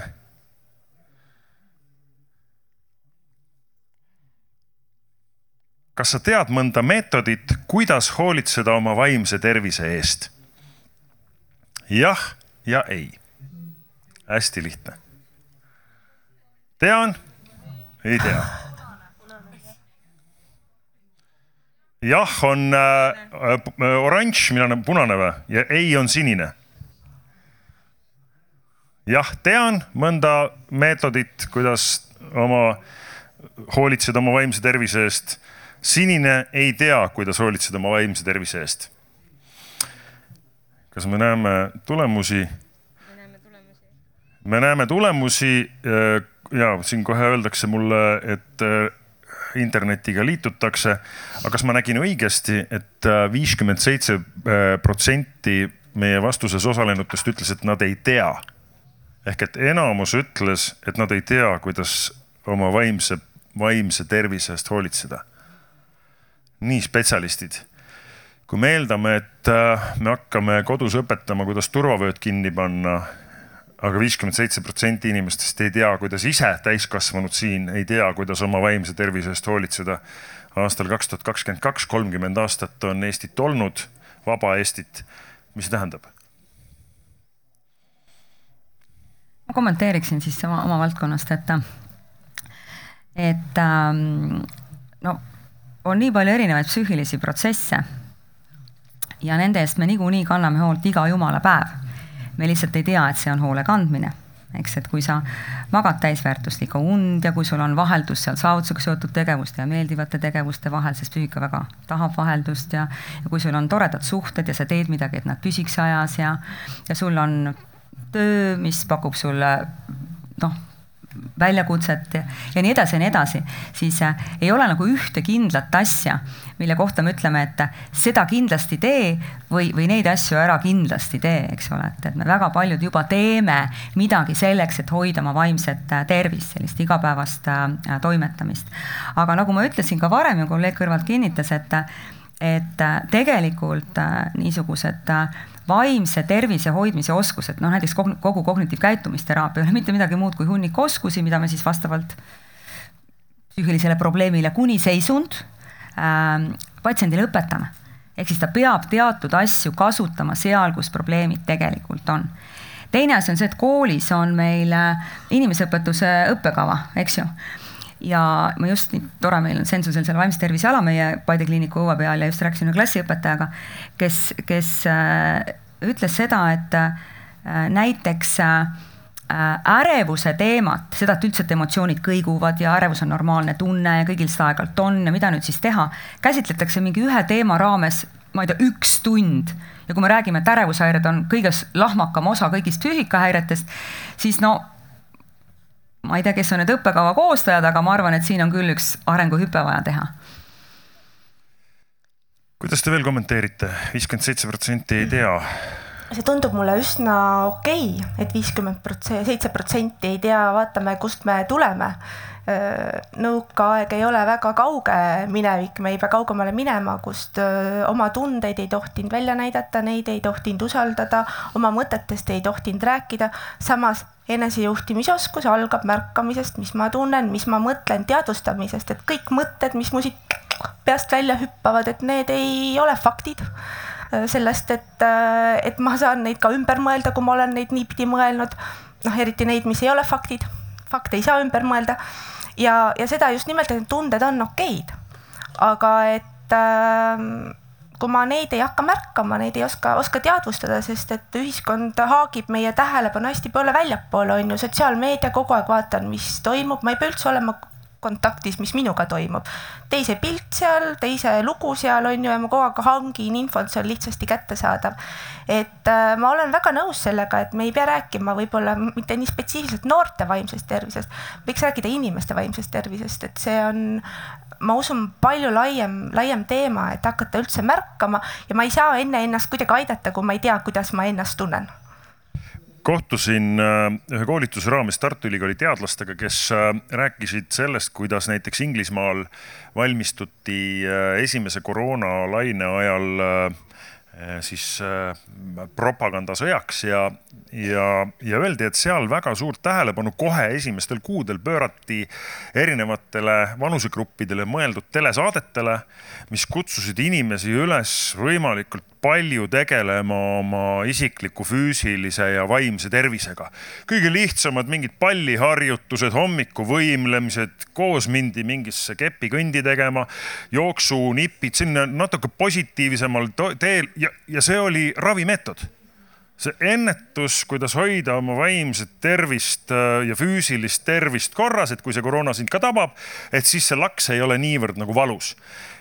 Kas see on siis tegelikult selle vaimse tervise kontekstis see, mida me täna räägime küll lastest, aga me peame vanematena peeglisse vaatama, et me peame õppima ka ise kuidagi kõigepealt selgeks, mis see meie probleem on, et me ei siis kuidagi ei tõukaks või et ei rakendaks oma vigu jälle laste peal, mida ma kujutan ette, et minu ema rakendas minu peal ja, ja minu ema rakendas neid sellepärast, et tema teise maailmasõja ajal kasvanud ema rakendas neid tema peale. Jah, ma olen nõus ja ma tahaks seda ka veel öelda, et ega see sport nagu ükskõik mis hinna eest võib olla ka ühel hetkel väga vaimset tervist kahjustav.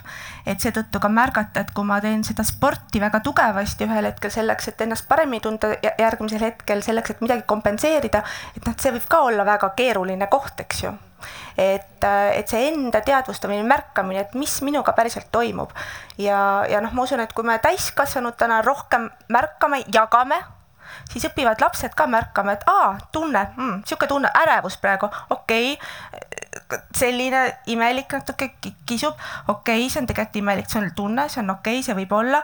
ma saan näiteks äh, korraks hingata sügavamalt, ma saan midagi enda jaoks teha ja, ja see märgata, et aa, see vaibub, mitte see, et ah, mul on ärev, okei okay,, see on õudne ja, ja nüüd ja siis läheb, eks ju, mõttega edasi ja lõpuks on see, et äh, palun mulle kiirabi või noh, et teised kutsuvad sellepärast, et ei oska midagi teha. Ärevushäired üldse nakkushaigused, need käivad ikka perekondi pidi. aga, aga noh, et ega, ega siis see psüühika, psüühika või vaimse tervise hoidmine ei ole mingi raketiteadus, igapäevased, päevased pisikesed asjad on väga tähtsad asjad ja see, mis sa ise siin mainisid, et psüühika tõesti väga tahab vaheldust et ta ei taha nagu ülekaalukaid tegevusi, see, et ma hommikust õhtuni teen ainult saavutusega seotud asju ja siis neid meeldivaid sõna otseses mõttes puhkamist, mängimist, aelemist on nagu nii napilt. et noh, mõõdukus ikka asjade mõõt nagu juba tuntud filosoof Kant on öelnud, et, et vaja on vaheldust ja, ja seda tuleb küll ajas alles hoida, mitte see, et me laseme nagu kõrgel koormusel pikka aega neid saavutusega seotud asju, on ju. no psüühika peab mingil hetkel märku andma, kuule õu, et, et nagu võta vähemaks, eks ole, et see, see, see on, see peabki tekkima, sellepärast et noh, organism ikkagi ennekõike peab ennast ise kaitsma, eks, ütlema, et see, see tuleks ära, ära lõpetada. võib-olla tooks siia selle, mis ma praegu kuulsin, on see, et nagu selline et organism annab märku ja võib-olla mingid siuksed asjad nagu toimuvad kuidagi kuskil noh, nii-öelda nagu meie kontrolli alt väljas või noh, nii-öelda selles mõttes. et, et see, millest Lii ennem nagu rääkis, võib-olla, et mis, mis mei-, mis meis toimub, et see on nagu kõige olulisem koht, et need märgata neid probleeme nagu endas, et siis, et meil on ühel kursuses selline nagu tähelepanu Äh, nagu siis, kuidas öelda siis selline piltlikustamine, et see nagu läbi, läbi taskulambi, et kui me kujutame ette ühte taskulampi, millega me saame juhtida nagu siis valgust, ütleme erinevatele kohtadele, et siis meie tähelepanu nagu toimub ju iga päev niimoodi sarnaselt, et meie tähelepanu. kord nüüd ütleme, keegi kuulab justkui nagu, mis siit lavalt tuleb, siis tuleb kuskilt mingi tuulehoog, siis keegi, mingi laps ütleb kuskil midagi või korraks tunneb mingisugust noh, et, et see tähelepanu kogu aeg rändab meil ja, ja, ja see on nagu oskus seda tähelepanu siis nüüd juhtida, mitte niimoodi, et, et see tähelepanu lihtsalt läheb sinna, kuhu, kuhu ta parasjagu läheb. vaid et me ise nagu otsustame, et me nüüd nagu vaatame, ahaa, et mul on, ma olen nüüd nagu vihane mm. -hmm või ma olen nüüd nagu kurb või mul on nagu väga hea praegu olla, et ma tunnen, et ma olen õnnelik või.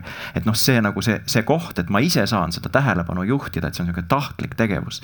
ja vot selle oskuse nagu õppimine on üks, üks selline nagu see turvavöö nagu osa seda nagu siis, et see muutuks selliseks nagu harjumuseks ja see oleks kuidagi integreeritud, nagu sa, Katrin, ütlesid, nagu iga päev me teeksime midagi normaalset, niisugust mingit väikest tegevust, et. et noh, näiteks selles samas Tartu Ülikooli uuringus, kes uuris vaikuseminutite programmi mõju nagu noortele, et noored tegid iga päev niimoodi kolm pluss kolm pluss viis minutit, et nagu üksteist minutit päevas, no kujutage ette, kui vähe seda on eks ole, kolm minutit üks harjutus, kolm minutit teine ja viis minutit ja selle tulemusena juba nagu need, kes seda tegid niimoodi kümne nädala jooksul, nende stress vähenes ja need, kes ei teinud, nende stress tõusis, et. et selles mõttes nagu see üsna väikesest juba panusest enda sellise nagu enesekohaste oskuste arendusse nagu mõjutas nende sellist vaimset heaolu mm. -hmm. Rainer, vabandust, kohe, kui me selle kommentaari ära kuulame, kas sa teed meile ühe sellise kiire õpetuse, kuidas hästi kiirelt äh, niimoodi oma Äh, vaimset tasakaalu, ma ei tea, suhetes ka lapsega viia sellesse õigesse asendisse.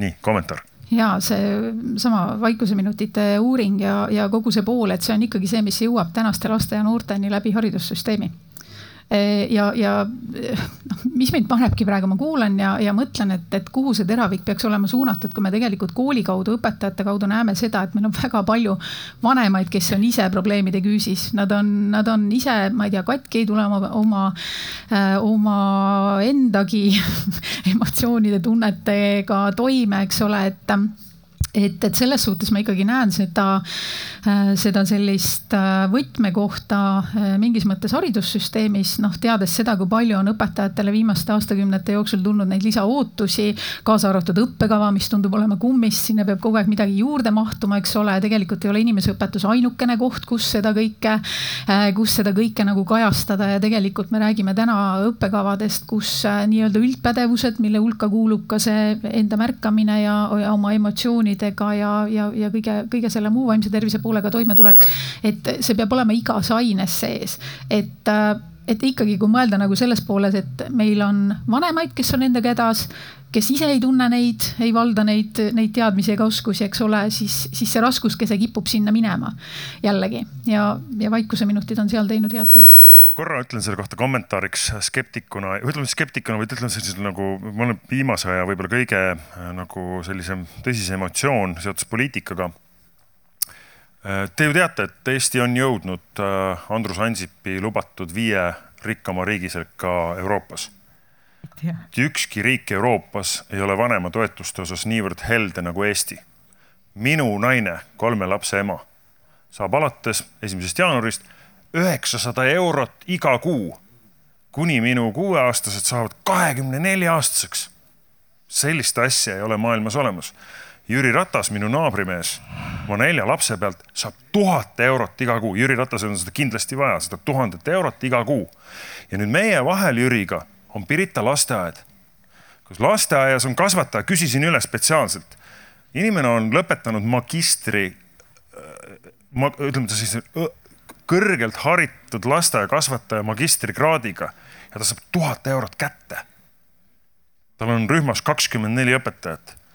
minu naabrinaine on äh, Pirita kooli esimese klassi õpetaja, kes ütleb, et äh, teate, ma ei jõua selle kõigega tegeleda, sest mul on seal Facebookis, Messengeris istuvad kogu aeg vanemad, kes midagi seal kogu aeg tahavad ja raiuvad ja, ja ta saab tuhat nelisada. see on naer saalis, sõbrad noh, meil on nagu proportsioonid ju paigast ära, et kui vanemad ei oska märgata, sest neil on mingisugused minevikutaagad ja oma vanematega mingisugused konfliktid, siis kuidas see õpetaja, kes on nagu üleni ülekoormatud, lasteaiakasvataja, kes noh, kust need inimesed üldse tulevad, kes tuhande euro eest tahavad elada selles hullumajas?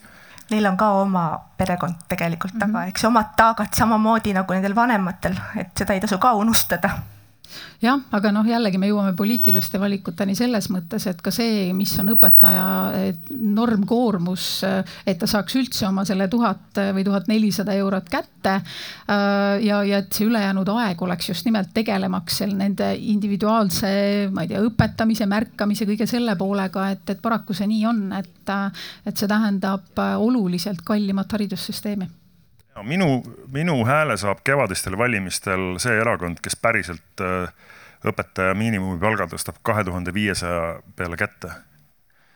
et ma arvan, et haridusest äh, algavad ka julgeolekuprobleemid ja kõik muu aga meil on nüüd üks äh, harjutus. Rainer teeb ühe lihtsa harjutuse, äh, mis tõenäoliselt aitab meil äh, olla paremad vanemad, paremad õpetajad, paremad märkajad. ja selle üleminekuks veel siia selle, selle õpetaja teema juurde, see läks, läks väga korda, kohtun sageli õpetajatega ja ja üks põhiline argument ongi just see, et, et noh, et me saame aru küll, et, et me võiksime ju nagu tegeleda nagu iseenda ja lastega ja teha mõningaid harjutusi, aga meil ei ole aega. meil on ju nii palju neid ülesandeid, noh nagu siin ennem juba jutuks oli.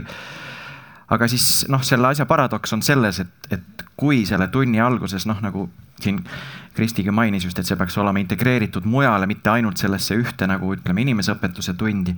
et kui see on integreeritud nagu meie igapäevaellu, noh, nii-öelda sellesse matemaatikatundi ja õpetaja alustab seda tundi sellise väikse nagu kohaletulekuga ja siis nende, siis see edasine nagu laste keskendumine ja tähelepanu on juba palju paremal tasemel. et tal jääb nagu selle aine õpetamiseks nagu rohkem aega. ja noh, see tulebki läbi kogemuse, et sellepärast me ka täna siin väikse, väikse kogemuse proovime, proovime teha ja te ei pea midagi nagu muutma enda juures praegu või kuidagi teisiti olema, et kes istuvad, need istuvad või kui te tahate näiteks püsti tõusta, tunnete, et olete liiga palju istunud, võite ka püsti tõusta.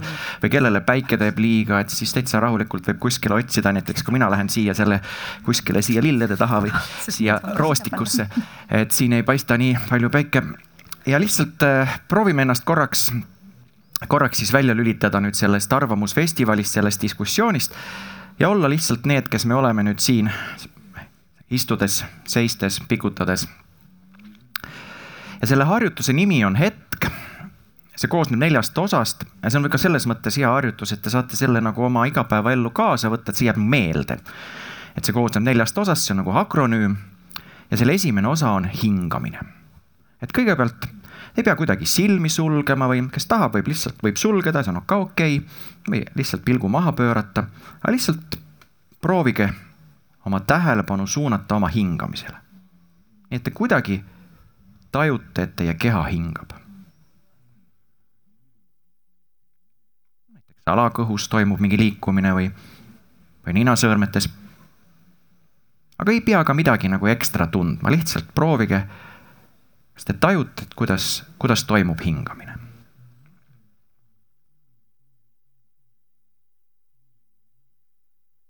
Teine täht siis hetkes on E. ja see tähistab elususe märke või elumärke. et nüüd võiks, kui teile sobib, tähelepanuga uurida oma kehas mõnda sellist elumärki.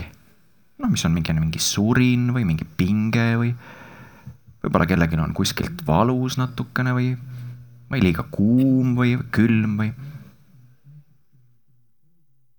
täiesti niimoodi varvastest kuni pealaeni välja, et kus mu keha annab nagu mingeid elumärke tunda. ja proovige selle harjutuse ajal, et kui nüüd näiteks selle jälgimise kontekstis läks teie mõte kuskile rändama või et noh, et mis ma nüüd siin teen või et kas ei tea, kas see lõpeb varsti ära, et saaks koju hakata minema juba või no mis iganes, kuhu see mõte nagu rändas, et see on okei okay,, aga lihtsalt tulge selle elumärkide juurde nagu tagasi, proovime korraks tuua see tähelepanu siia tagasi, ilma et see oleks kuidagi midagi halvasti või tähelepanu hüppab, see on okei okay,. andmata hinnangut sellele, tulge lihtsalt tagasi. kolmas täht hetkes on tee ehk toetuspunkt. nüüd kutsun teid uurima toetuspunkti. kui te seisate, siis on selleks on jalatallad. kui te istute, siis istmik. võib-olla toetate kuskile käsi. Proovige uurida nagu neid punkte, kus te puutute kokku toetava pinnaga. kas need on kuidagi erinevad kas jalataldades näiteks on kuidagi rohkem koormust varvastel või, või istudes näiteks kuidagi paremal puusal rohkem kui teisel või vastupidi.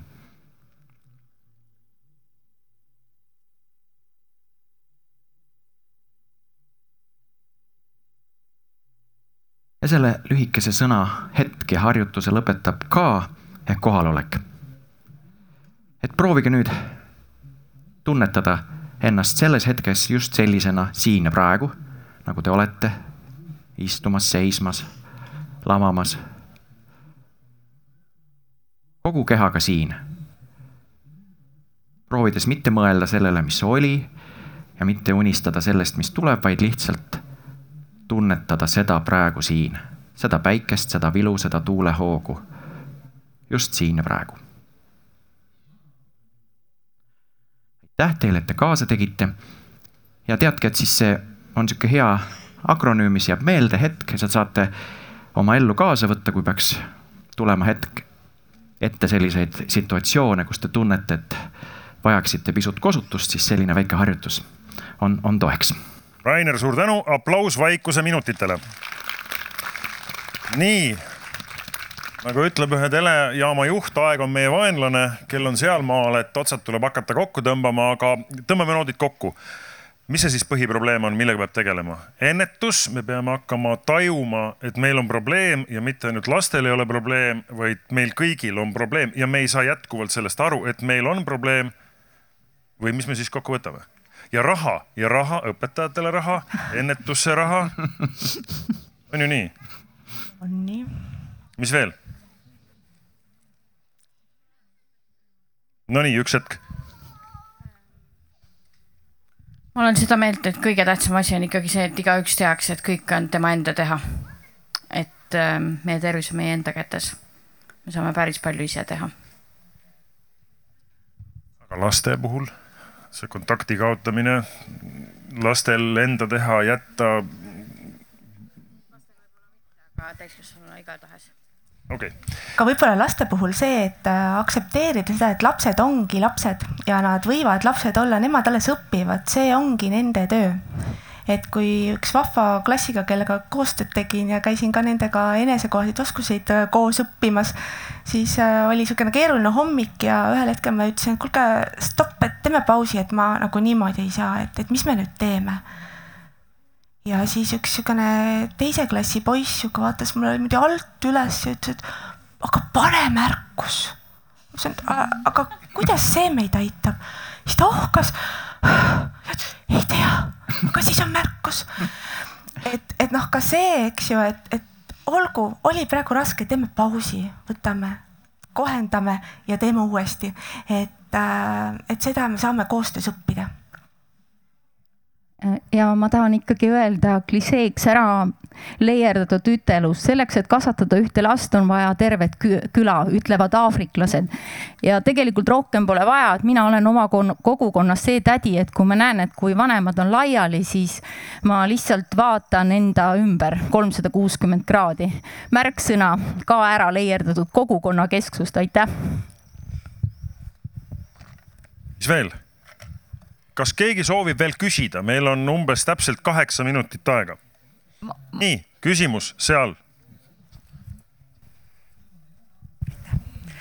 tere, minu nimi on Triin Noorkõiv ja ma tahaksin küsida selle kohta, et äh, see võib-olla just puudutab Kristit kõige rohkem, aga et mille eest on riik valmis võtma vastutuse selle teema juures? et me teame, et eriti kui me räägime, räägime praegu lastest, äh, meil on piisavalt ähm, infot ja andmeid, et olukord ei ole okei okay. aga et sellised algatused nagu vaikuseminutid ja kõik muud sellised toetavad, võime rääkida kivast või äh, kiusamisest vabast liikumiseks, et kõik need algatused peavad äh, läbima tuhat kadalippu, et saada riigi tuge. et siis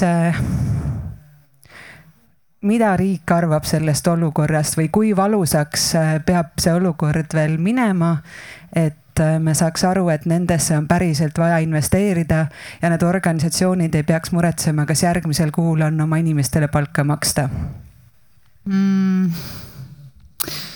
jah, siin võiks Triin sinuga detaili minna ka muidugi, aga, aga äh, see, et Äh, et kuhu on valmis minema riik, noh, me alati jõuame välja ühe ja sama küsimuseni, et äh, ja see on raha, eks ole. ja, ja me teame seda, et kuna siin oli juttu eelnevalt, et Covid äh, on, on arvestatavalt seda probleemi suurendanud, eh, tähendanud ka seda, et siin ongi olnud suuna, vajalik suunata erineval moel eh, rohkem ressurssi.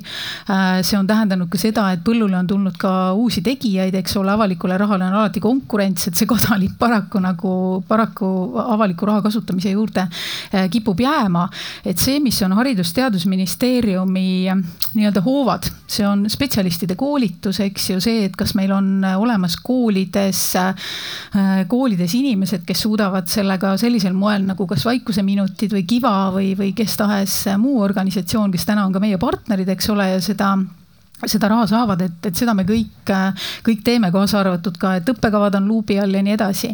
aga, aga eks neid enamikke asju dikteerib ikkagi ressursi olemasolu ja see on jällegi noh, nii nagu siin enne oli õpetajate, õpetajate palga küsimusest juttu, et et, seal tulevad tihtilugu vahele poliitilised valikud ja noh, me teame, et need maailmad on natuke erinevad ähm,. aga siit mina räägiksin noore poolt äh, jällegi, mida mina koolis näen mm,. mina näen seda, et kui hakataksegi näiteks, eriti hull on see viies-kuues klass, et äh, hakatakse rääkima sellest teemast kõigest ja siis püütakse mingisugust ülesannet teha, aga keegi hakkab itsitama ja siis kuidagi see kõik jääb külge ja siis see kõik lihtsalt läheb mööda niimoodi. aga ma ütleksin riigi poole, see aitaks ilmselt ka ressurssidega, et kaasata noori rohkem.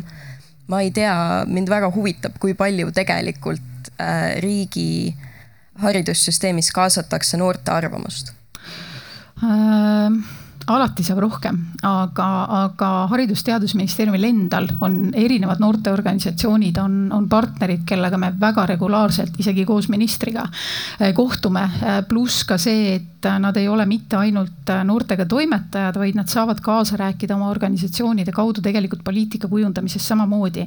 et, et noh, nagu ma ütlesin, et alati saab eh, paremini ja enam, aga tegelikult noortele need võimalused on loodud, nii et pigem, mis see minu üleskutse siin oleks, et et äh, noored jah, sellised võib-olla indiviidina koolis, ei, nende hääl ei pruugi nii palju kõlama saada kui see, et koopereeruda nendesse noorteorganisatsioonidesse ja, ja sellel moel saada riigile, ministeeriumile ikkagi arvestatavaks äh, partneriks ja kaasarääkijaks mis iganes küsimustes, mis puudutavad valdkonda ja võib-olla sinu see mõte, see naermine viis mind nagu selle olulise märksõnani, et neid oskusi ei õpita nagu projektipõhiselt, eks ju mm. -hmm. et lugemist ei õpi, et äh, loeme üks kord aastas, noh, meil on siin äh, et äh, aasta lõpu tühi päev õpime siin või, või autojuhtimist me ei õpi, nii et tegelikult ka need ena, endaga toimetulek, enda toetus, endast, äh, endast teadlik olemise oskused, et need on ka midagi, mida tuleb õppida nagu igapäevaselt äh, samm-sammu haaval, siis on sellest kasu.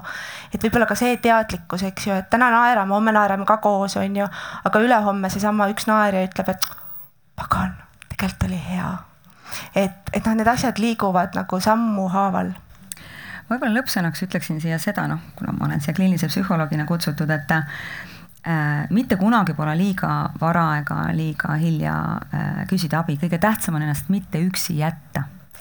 Ja, ja kuna need noored vanematega ei räägi, siis muidugi on igasuguseid organisatsioone ja, ja, ja sõpru ja tuttavaid ja, ja kahjuks ka igasuguseid häiretepõhiseid noortegruppe, mida ma üldse ei soovita aga seal noored ikkagi käivad, et, äh, et alati võib äh, pöörduda perearsti poole, võtta sealt suunamiskiri läbi teraapiafondi ja, ja tulla kliinilise psühholoogi vastuvõtule. ja vanematele panen ka südamele, et, et kui teil on lapsega probleemid, ei pea seda last lunima, sest see teismeline teil väga ju kaasa ei taha tulla, tulge ise sellepärast, et mida noorem on laps, nagunii enamik tehnikaid on need, mida me õpetame lapsevanemale. et tulge ise ja vahest on tõesti nii, et me pole seda last kunagi näinudki ja, ja kodus asjad lähevad ikka ludinal paremini, sellepärast et äh, me õpetame lapsevanemale erinevaid oskusi, kuidas ta saab siis oma tibusel kodus toetada, nii et ärge ennast üksi jätke. Ja kui tohib, siis, siis ma ütleks siia lõp lõpetuseks läks kuidagi väga hästi mm, korda sealt kõlanud selline lapse kasvatamise eh, abinõu, et terve küla on vaja sinna kaasata, et see on, see on nagu väga õige et, et need hoiakud, et minu arvates, et mis me siit võiksime täna nagu kaasa võtta ja et midagi nagu muuta, et siis me võiksime kaasa võtta selle hoiaku, et me ise saame nagu enda enesekohaseid oskuseid, keskendumisvõimet, tähelepanuvõimet nagu muuta, see teeb meid enda, ennast nagu paremaks inimeseks ja, ja me saame neid hoiakuid nagu selles suhtes, et kui me oleme kuskil kas õpetaja või koolijuht või, või riigis mingisuguse nii-öelda mõju, mõju omav inimene, et me saame selle läbi hoiaku selle, et me nii-öelda toetame selliseid ettevõtmisi, et me saame, saame seda muutust luua, et, et ainult nagu nendest nii-öelda selle liftiga sinna püramiidi tippu spetsialisti sõitmise juurde, noh, nii-öelda sellest meile, me ei, me ei saa ühiskonnana nagu tervemaks, noh, me saame nagu natukene tervemaks, aga et meil toimuks nagu see muutus, on see, et me just kogukonnana võtaksime selle, selle hoiaku, et me kõik saame midagi teha. aitäh sellest teemast võiks rääkida veel pikalt. kui kellelgi on väga põletav küsimus, siis ma usun, et te olete pärast selle. ahaa, palun, jaa ja tere, minu nimi on Nats ja mina olen Eesti Õpilasenduste Liidu aseesimees. kõigepealt ma siis natuke teen turundust, et kui sa soovid kaasa lüüa hariduse korraldamises, siis hetkel on avatud kandideerimine meie valdkondadesse. Äh, aga äh, me oleme hetkel rääkinud äh, sellisest olukorrast, kus lapse, kus õpilane näiteks ei taha rääkida oma lapsevanemaga. aga kui meil ongi näiteks olukord, kus lapsevanem ise on see vaimse tervise probleem, sel juhul oleks koolipsühholoog number üks, aga nagu me number üks äh, koht, kuhu pöörduda. aga nagu me samas ka teame, siis äh, enamus koolidel ei ole lihtsalt ressursse, et endale koolipsühholoogi palgata. sel juhul äkki siis me ei annaks neile seda kala, mida meil ei ole, vaid annaks õnged ja see siis inimeseõpetuse tunni formaadis ähm, enamus inimeseõpetuse õpikuid on pärit aastast kaks tuhat seitse. nüüd kaks tuhat kakskümmend aastal vist tehti ka minu meelest uus, aga seda ma ei ole üheski koolis siiamaani näinud. Äh, samuti seal kaks tuhat seitse, noh, seal on ka perekonnaõpetusest, hetkel on äh, kaks heteroseksuaalset äh, selles mõttes mees ja naine. noh, seal on ka umbes selliseid asju, ehk siis võib-olla siis võtta kaasa just see, et reformida natukene inimeseõpetuse ainet.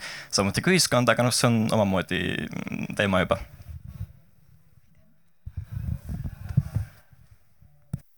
ja ma ütlen selle peale aitäh selles mõttes, et tegelikult see nii-öelda reformit-, reformitud ainekava ootab juba varsti otsustajate ukse taga, nii et. samm-sammult. just. kuulge, sõbrad, eh, juttu jätkuks kauemaks ja veel kord ma luban, eh, et kui on mingi väga põletav küsimus, siis küllap spetsialistid nüüd aitavad veel korraks siin, kui see vestlus lõpeb eh, ja aplaus on kõlanud. mina tänan teid, oli väga sisukas, põnev vestlus, räägime jälgime, märkame ja läheme siis küsime abi. Äh, kui mitte ise, siis kellegi teise jaoks. aga suur tänu ja siin arutelud ju jätkuvad. just nimelt.